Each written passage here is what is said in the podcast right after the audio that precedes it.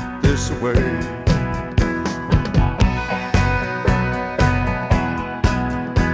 Thought I've seen the world with a five-piece band Looking at the backside of me. Singing my songs, one of his now and then. But I don't think Hank done them this way. No, I don't think Hank done them this way.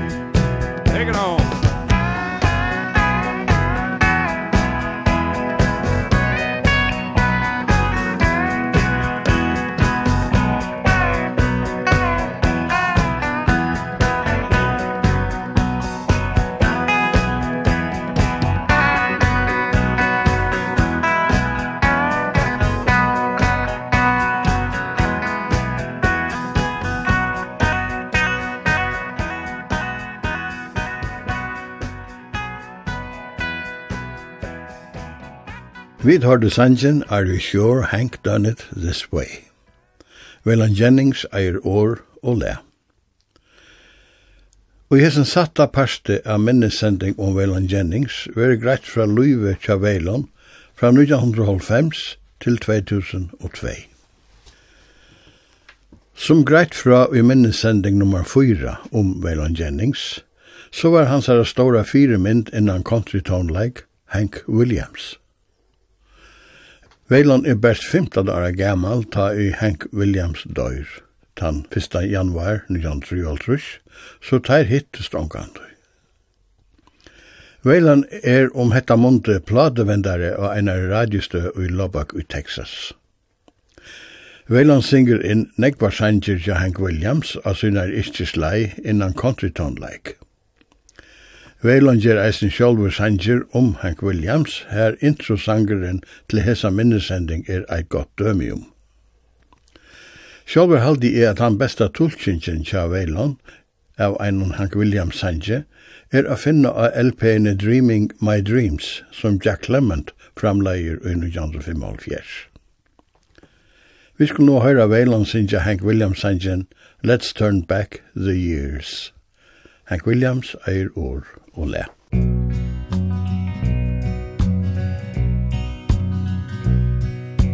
Darling, let's turn back the years And go back to yesterday Let's pretend the time stopped And I did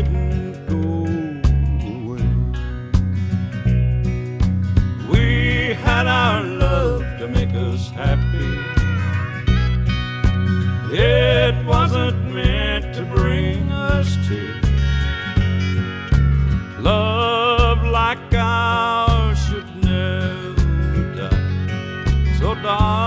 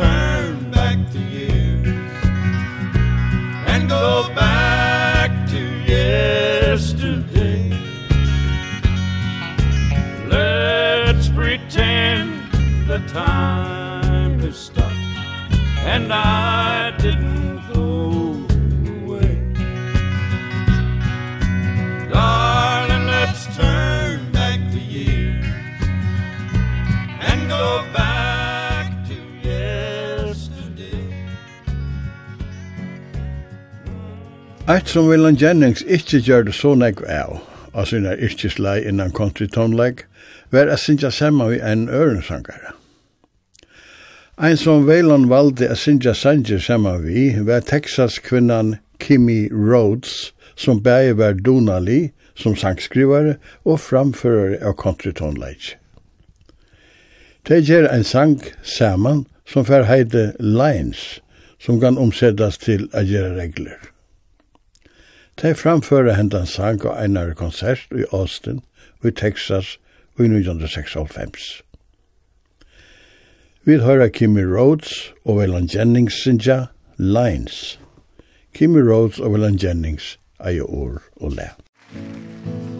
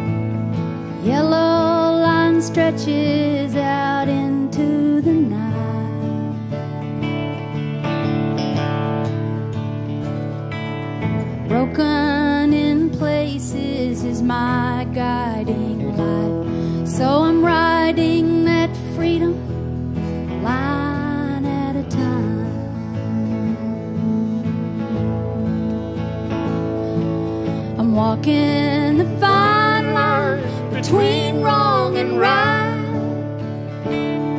I can live with the problems of this day and time. Consider me lucky cause I'll be all right In my mind I'm having a beautiful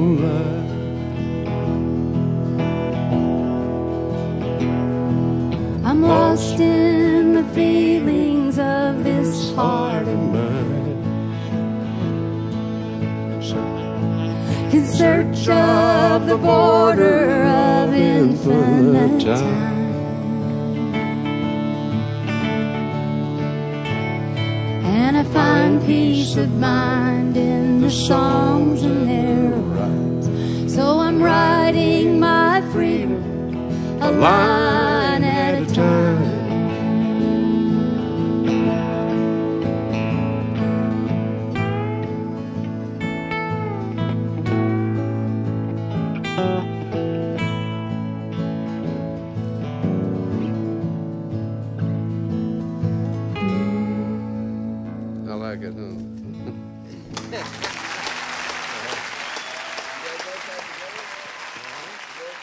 Ein annan sanger som Kimmy Rhodes og Waylon Jennings synger saman er sangeren Maybe We'll Just Disappear. Her det synger om at best man vera røyma, etla flutja fra de heila. Sangeren hever sina særlige søva. Han er yster av Kimmy Rhodes. Hessen sanger er opptidgen ut i kjenda Sun Studie i Memphis, og vi Jack Clement av Dobro. Og i ungon døvun hei Jack Lemmond veri tøkningur og i hessen sama sandstudie og gjørt opptøyga vi Johnny Cash og Øron. Vi hører Kimmy Rhodes og Waylon Jennings sinja Maybe We'll Just Disappear. Kimmy Rhodes, Eir År og Læp.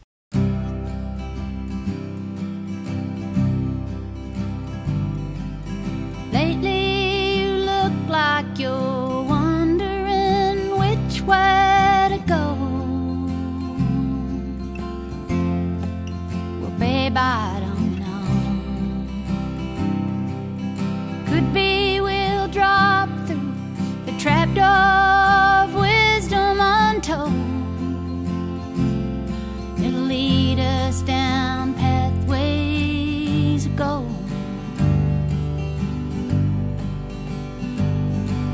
Or just like the plan for the hungry Or the wars that we wage.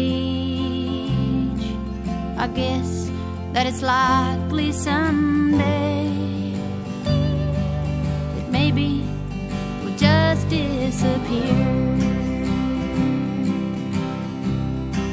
Like one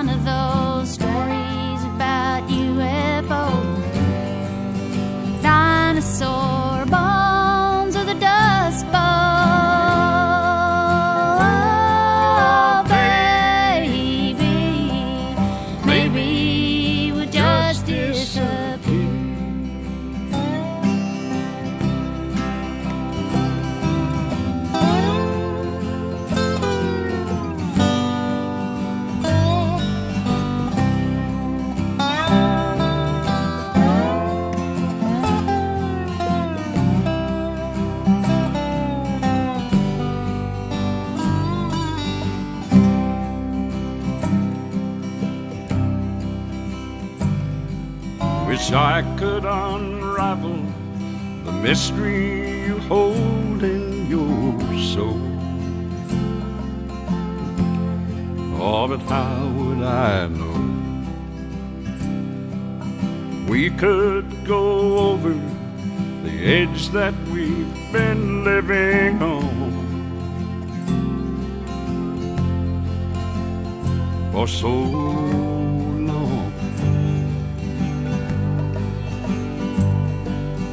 in our biographies maybe our normal will change.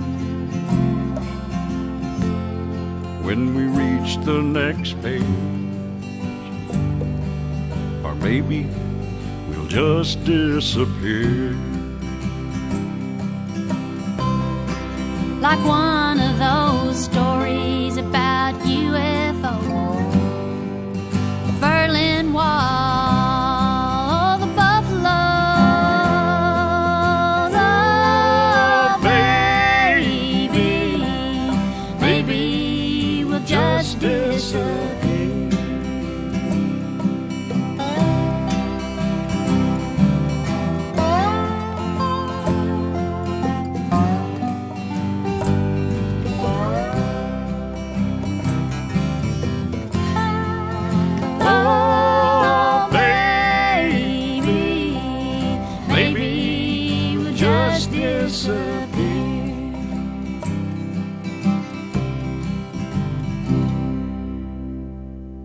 I 1905 er Veilan vi av LP CD Highwayman 2, som kom ut i februar måned 1905 av CBS-plattefellene.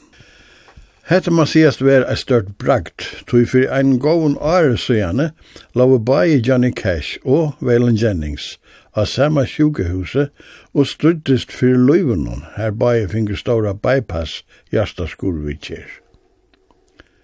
Vi skulle høyra tveir sanger av hessar utgave. Den fyrre er Songs That Make a Difference, som Johnny Cash hever leida fram ur onklar skuffu, her han huleier om året 1993, som versera hendingarukt tja Johnny Cash. Han blev gifter til året vi June Carter, og hon gonger vi ein avfattende drengjabatne, alt i mean Johnny heldur saman vi Kjell Silverstein, Chris Kristofferson og Bob Dylan.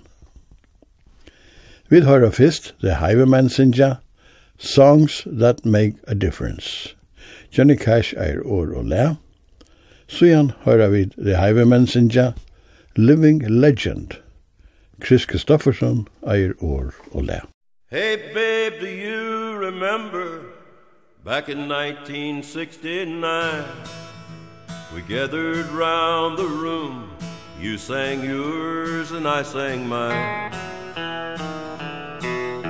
We took turns with the guitar In the front and center seat.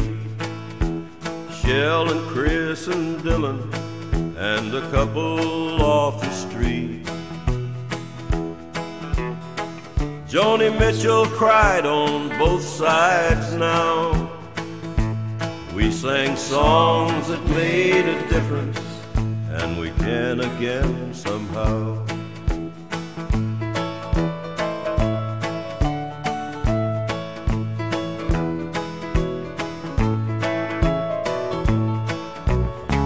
Everybody knew that this was quite a special night.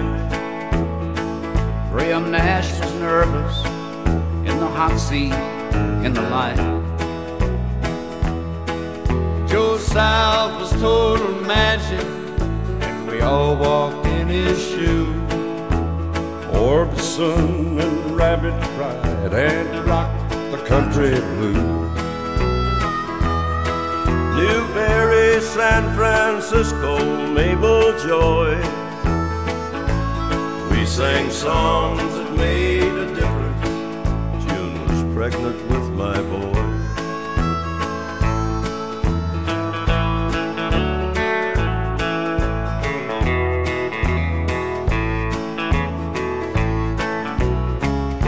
could make a living driving names or driving trucks Sleep beneath the bridge or in the streets down on my luck. I'd stand the cold and hunger if they'd let me hear the songs. Everybody write one that us bums can sing along. keep it from the heart and down to earth. Sing the songs that make a difference. Give us all our money's worth. Hey, keep it from the heart and down to earth. Sing the songs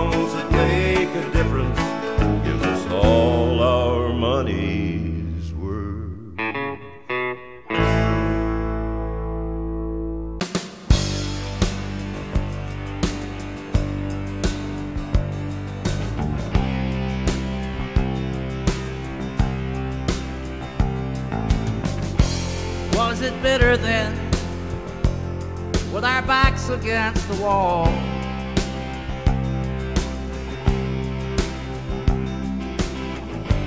Were we better men Than we'd ever been before?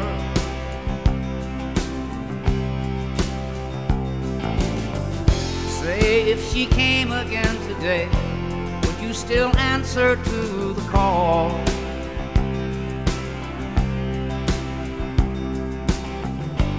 Tell the truth, my friend.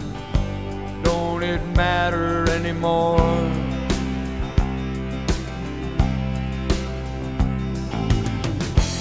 We were simple men By her side when she was born.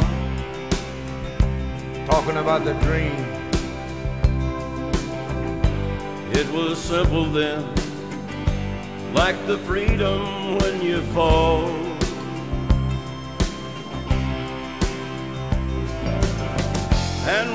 smaller than you see But soon we gathered like a storm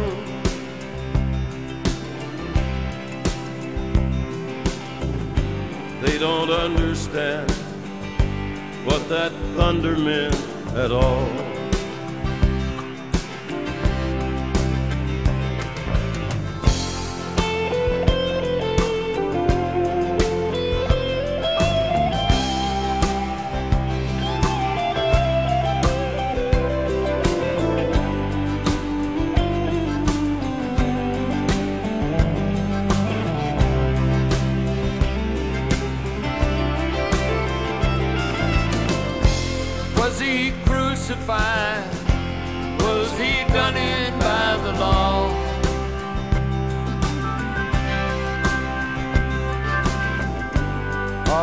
satisfied that he'll never ride again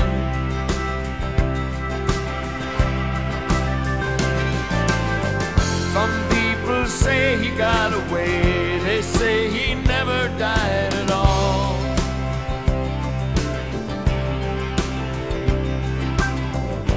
If that story's true Does it bother you, my friend?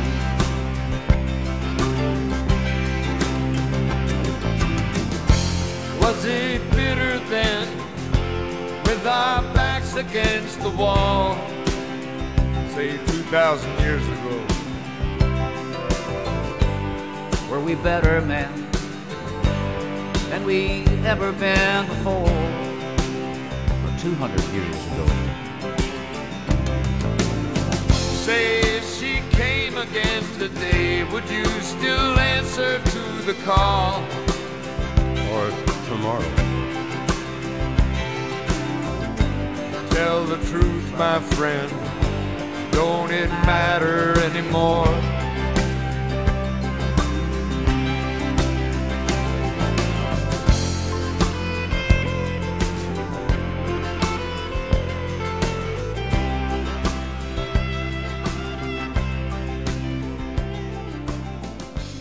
I 1993 lærte Veiland atter til sitt gamla pladeutgjøverafella RCA.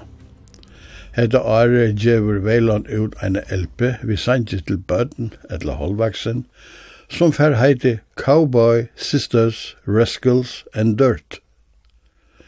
Veiland hever sjálfur ist meginparsten av sangnun av hessar LP og synger sjálfur en shooter som tar var 14 år gammal vi og at de eina sangnun.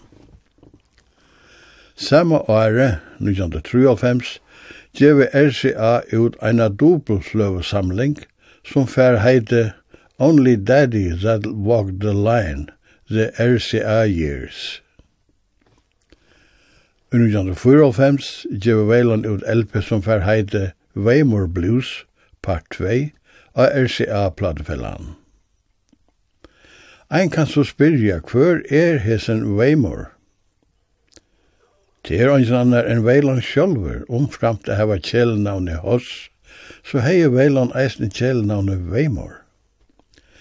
Hetta kom av ta i Veiland skulle djeva sin fyrsta tonlagarabaltje navn, saman vi Jerry Grupp og Richie Albright i 1944, som spaldi av JD's vi Phoenix i Arizona, skjedd Jerry Grupp upp a nevna baltjen Veimor.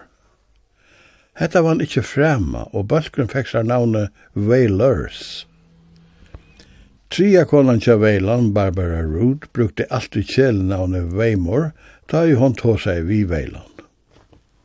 Vi høyra Weimor Blues, Veilan Jennings og Curtis Buck, eie år og læp.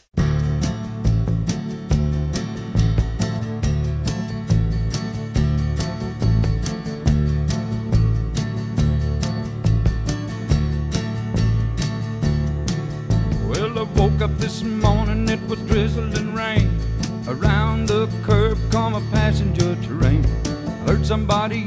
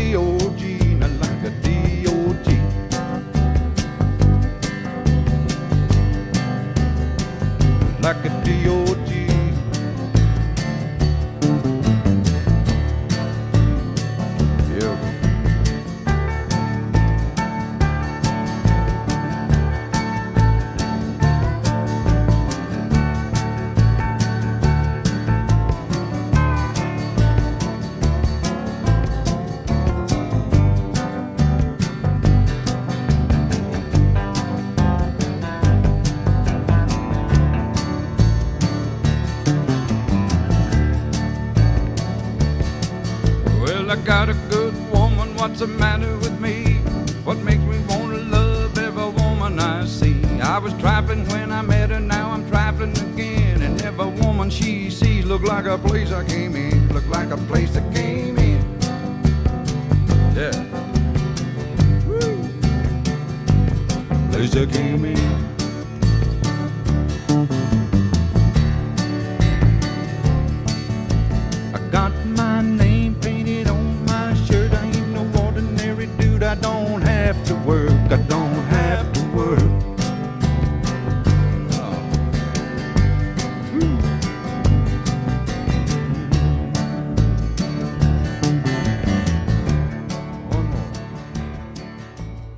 Og i 1995 var det tudja av lijen siden tar fyra.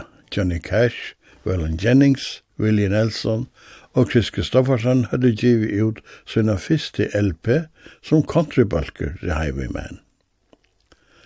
Ta for nå atter i studio vid Don Bass som framleiere. Ein CD kom ut av platefella i Liberty og fikk heide The Road Goes On Forever. I 1995 høyde hese fyra giv ut eina LP, som fekk heide Highwayman 2. Etter hesa utgave får balkeren av konsertfer. Ta mest berømta som ble tidsen opp av digitalan film, var konserten den 25. mars 1995 og i Nassau Colosseum av Long Island i New York. Willi Nelson sier at dette var besta tøyarskei i hans løyve. Omfram tar fyra var vi koner, bødn og abbabødn, tonleggere og hjelparfolk. Fylgje kunde være opp i 88 personer vi 288 luter av bagasje, så som tasker, koffert og tonleggere utgjør. Så her skulle det haldas godt skil av hvert hver åtte og om alt var kommet vi, sier Willi, en affær og en er samrøve. Nå tar hittast atter John 55 var alder byrjaver a suttjast av dem. Johnny Cash og Waylon Jennings høyde i 1908 finnes stora jasta bypass kurvitjer. Um fram til, så hei Waylon finnes sugesjuke som hei sett seg av eio og bein. Willie Nelson og Chris Kristofferson høyde alt sitt vaksna liv røykt marihuana og hever hetta eisne sett synespår. Vi høyra Live Forever, Billy Joe Shaver og Eddie Shaver eier år og lær.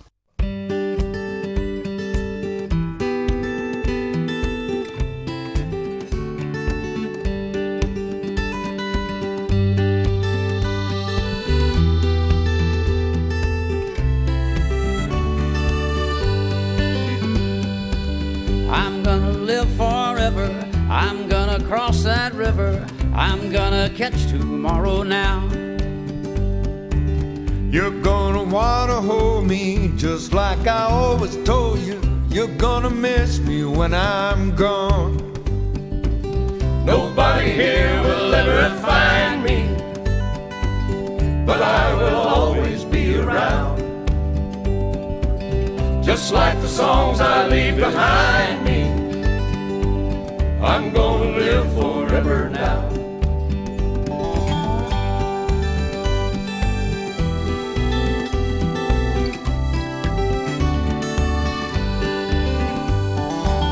You fathers and you mothers Be good to one another. Please try to raise your children right. Don't let the darkness take them Don't make them feel forsaken. Just lead them safely to the light. When this whole world is blown asunder And all the stars fall from the sky. Remember someone really loves you. We'll live forever, you and I. I'm gonna live forever. I'm gonna cross that river. I'm gonna catch tomorrow now. I'm gonna live forever. I'm gonna cross that river. I'm gonna catch tomorrow now.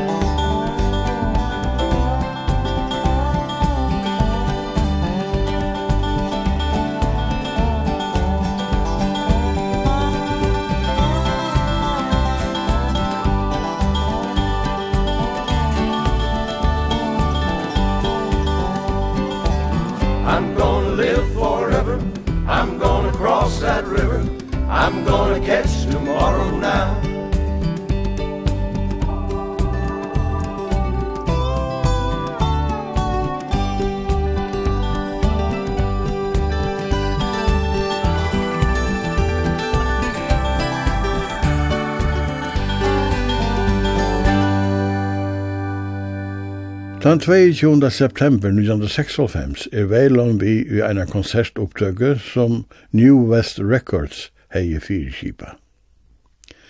Vi av hessa konsert var fem Texas byggvar.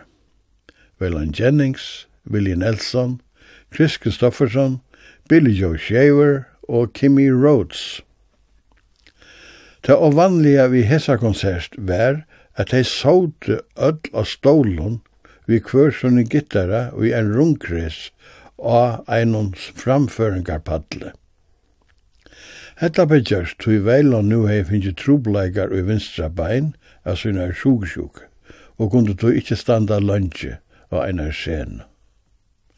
Egene var i eisne færna bila. Vi høyra Veilon fra hesar konsert, sinja, Just watch your mama and me. Veilon Jennings, eier or og læ.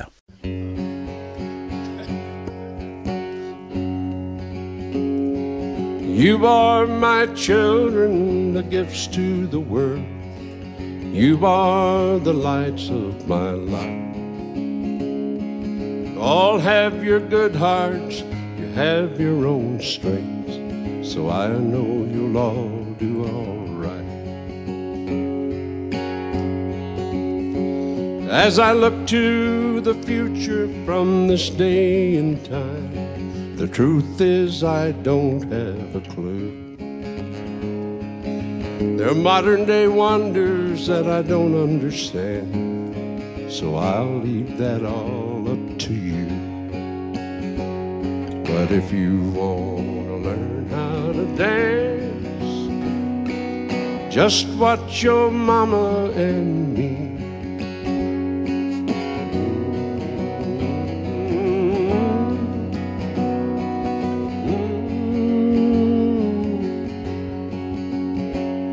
Just a good old boy and his lady. Nothing too fancy to see. If you want to be happy Just watch your mama and me. That ain't funny. It could be. It has all the ingredients. There's been a time in my life it was funny. of course, I've been married more than most families. there are so many changes changing too fast. Things that I know nothing about. But some things remain, stay just the same. And that's where I might help you out. If you want to learn how to dance Just watch your mama and me.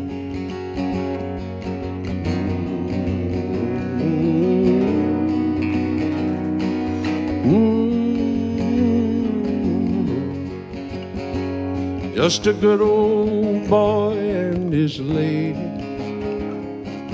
Nothing too fancy to see. If you want to be happy Just watch your mama and me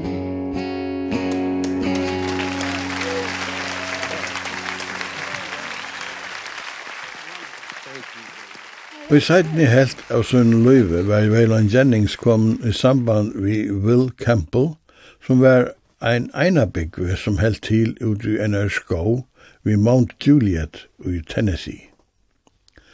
Han fekst vi a framleia heimabridge og a prædika fyrir falsk. Seile var det omstøver til de litta falskjen som la hon oppa hjersta. Etter håndene blei Will Campbell ein alahanda maver til veilan. Han reiste saman vi veilan i bussen og han gifte veilan og Jesse fyrir ærefer i 1994, da det høyde Silverbryllupsdag. Eina for Veiland og Vil vår affær til Tampa i Florida, ta sier Vil vi Veiland. Hva tror du på? Hetta sett nægge gong tja Veiland, så han får at hoksa djupar om evne, og får han i holdt vi at skriva sangen I Do Believe. Vi høyra Veiland av konsert i Austin i Texas, 22. september 1996, sinja. I do believe. Velan eier år og lær.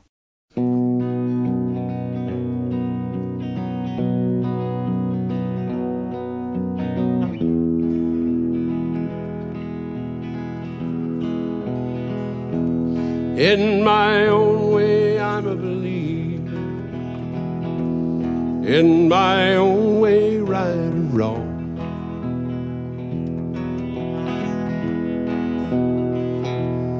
I don't talk too much about it. It's something I keep working on.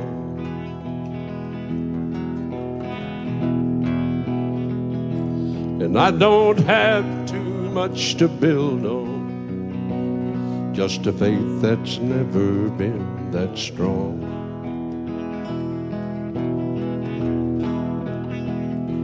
There is a man there in that building. He's a holy man, they say.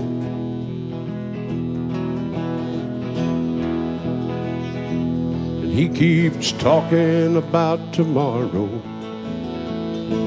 While I keep struggling with today.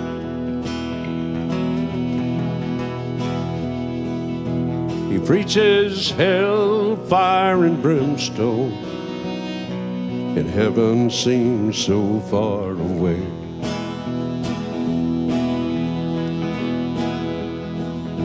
I do believe in a higher power One that loves us one and all. Not someone to solve my problems Or to catch me when I fall.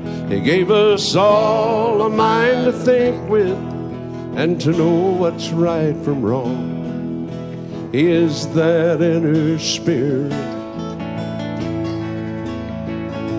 that keeps us strong.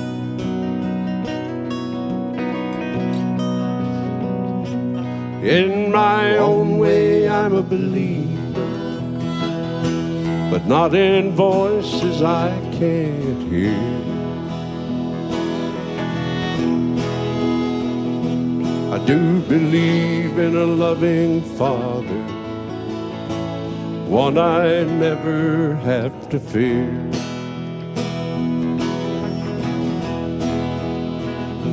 That I should live life at its fullest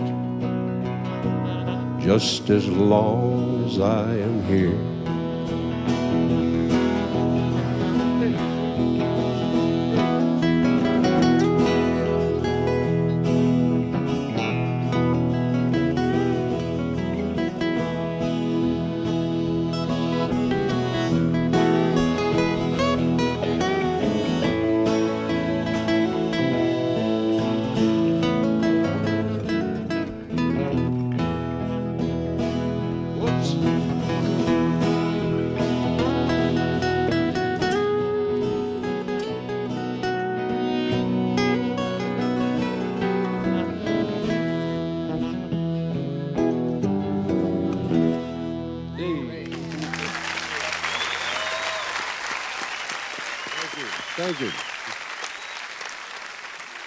Nu hjärsta och sobersjuka börjar att tinja Veilon. Fakkast här vid Veilon-konserten. här han är ensamadler av paddle vid sin tonlaga bölts. Ta i sett Atkins for til gravar fra Reimann i 2001 var Veilon og fyllte sin gamla vine og prate framleira fra de første tøyene han var kom til Nashville for 36 år så gjerne. Sjugan hever nu gjort så nek om seg at Veiland sitter i en ruttelståle til gjerreferierna. Veiland hei tog eit størst innsk. Han vil halda tver rimmar frafæringar konserter. Eina i Nashville og eina i Phoenix i Arizona. Det var best konserten i Nashville som kan gjennomførast. Konserten i Phoenix i Arizona blei avlust vegna sjuk. Ta blev lust av Ellen Jennings skulle halda eina frafæringarkonsert den 5. januar av 2000 av Sjolvon Reimann Auditorium som fyrir country fjepparar er det samme som Mekka er fyrir muslimar til alla heilæsta. Gravgengeren var så stor etter billetten at neiut var at hava en konsert at ræd den 7. januar år 2000. Konserten blei upptidsen við ljó av digitalan film og blei hetta utgivet bæg av CD og DVD av Trimund Fløvun. Utgavan fekk heide Never Say Die og tónlegarbalkuren hei nu finnst nytt navn, Waymore Blues Band, og samstundet hei Veilon gjørst eit nytt bumerkje her W tekna som ein ørn. Veilon er nu så ivetidsen av sugersjuk at han må sita av en kretsje av scenene, alla konsertene. Vi hører Veilon sinja en medley fra sin senast konsert, som var gå seks minutter. Vi hører Amanda og A Couple More Years.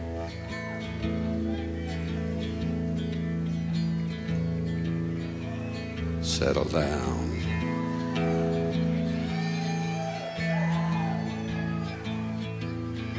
I've held it all inward And God knows I've tried.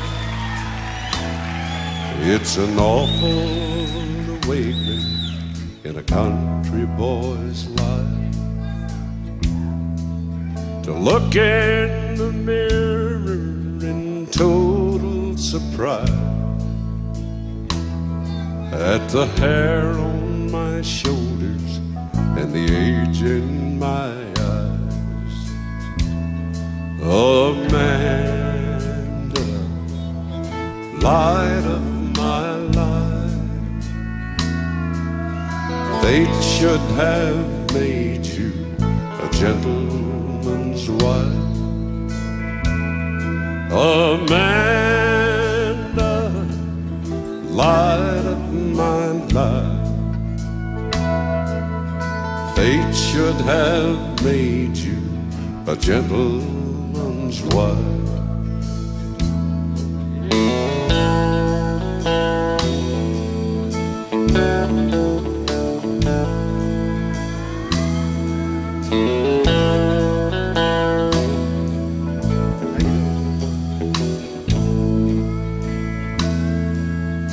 I've got a couple of more years on babe And that's all.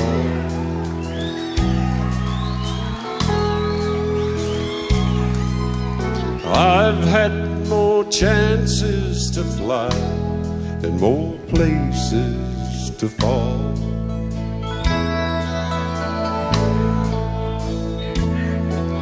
It's not that I'm wiser It's just that I've spent more time with my back to the wall.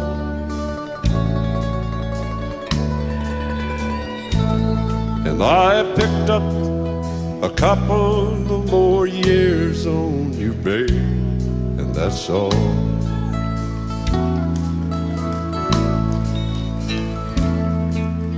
And I've walked a couple of more roads than you, babe And that's all.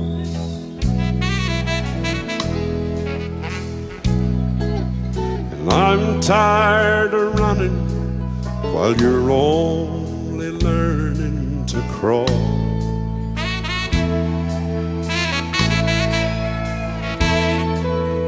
You're going somewhere And I've been to somewhere And found it was nowhere at all.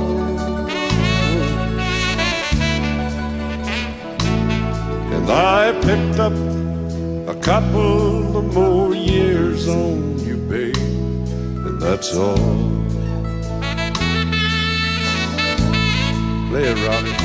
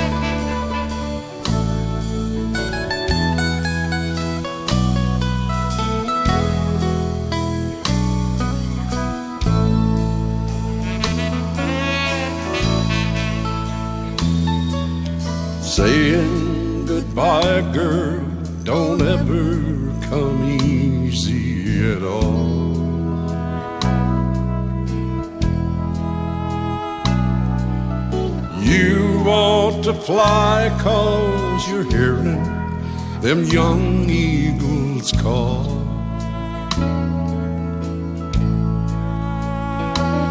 Someday when you're older you'll think of me and smile at a man strong and tall.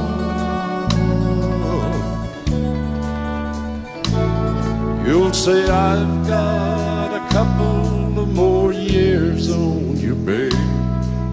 sår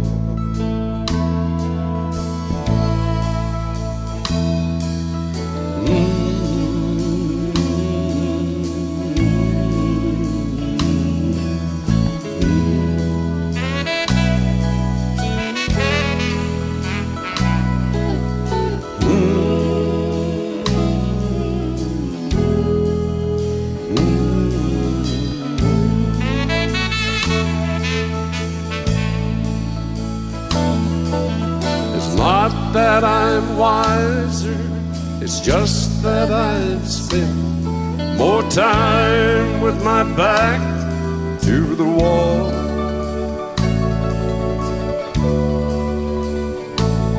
And I picked up a couple of more years on you, babe And that's all.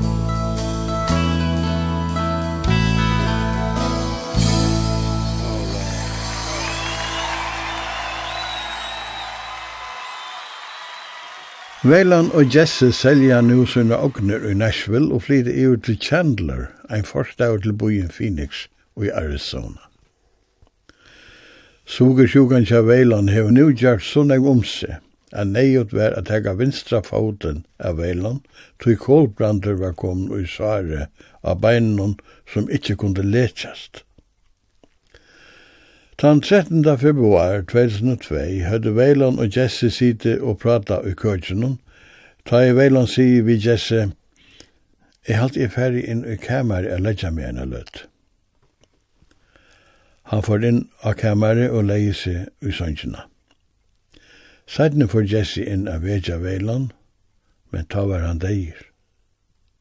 Han gjør det for utrykk å være gammel. Veilan ligger griven i kyrkjær i byaparten om Mesa, i Phoenix og i Arizona. Vi skulle enda hessa minnesending om Veilan Jennings vi er hei bægi Jesse og Veilan Sinja Storms Never Last. Hette er fra seinas konsertene tja Veilan i år 2000. Vi høyre av Veilan er rørder, tog han veit at hette er seinaste fyr at hei bei sinja Storms Never Last saman. Jesse leikar sjálv av klaver og synger sanjen, hon gjør det til veilan for 25 år sujan, og som er uimenten at hara kærlega til hver annan. Vi tar Storms Never Last, Jesse Coulter eier ord og lær.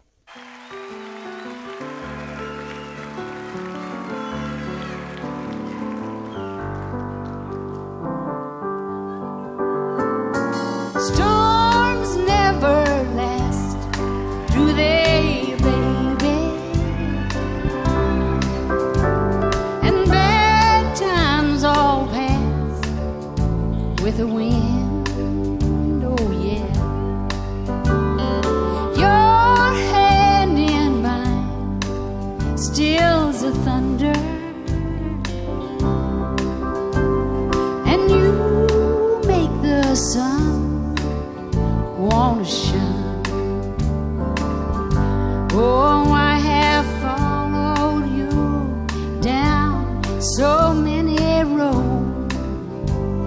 baby picked my flowers and I sung you soft sad song. And every road we took God knows our search was for the truth. And the storms brewing now won't be the last.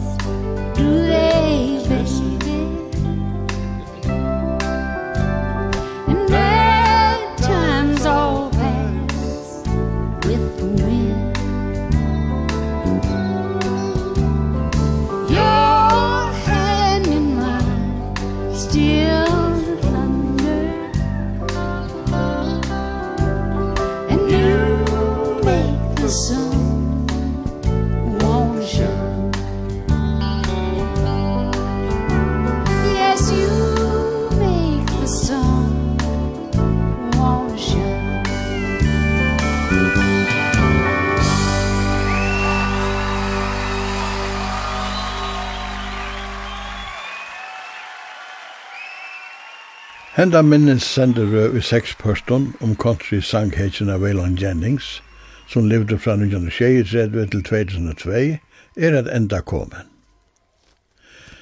Tøyme som hever framleit hessa seks pørstar er Oddbjørn Moxley, som hever skriva handrit og valgt tonleik.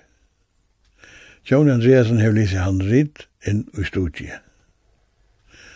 Erik Biskupstø Tøkningur hefur tidsi hessar sendingar upp og snikkar þær til að fer ut i luftena til fyrir folk. Hetta var ein røynd að gera eina ørvise country-sending, her greit veri fra Luivi og Lagno til einum country-tonleggara, så að sia fra Vøggo til Grøv, som er færen Foltum fra. Vånande hefur lustaren finnst nega bortur ur, hessar er røynd.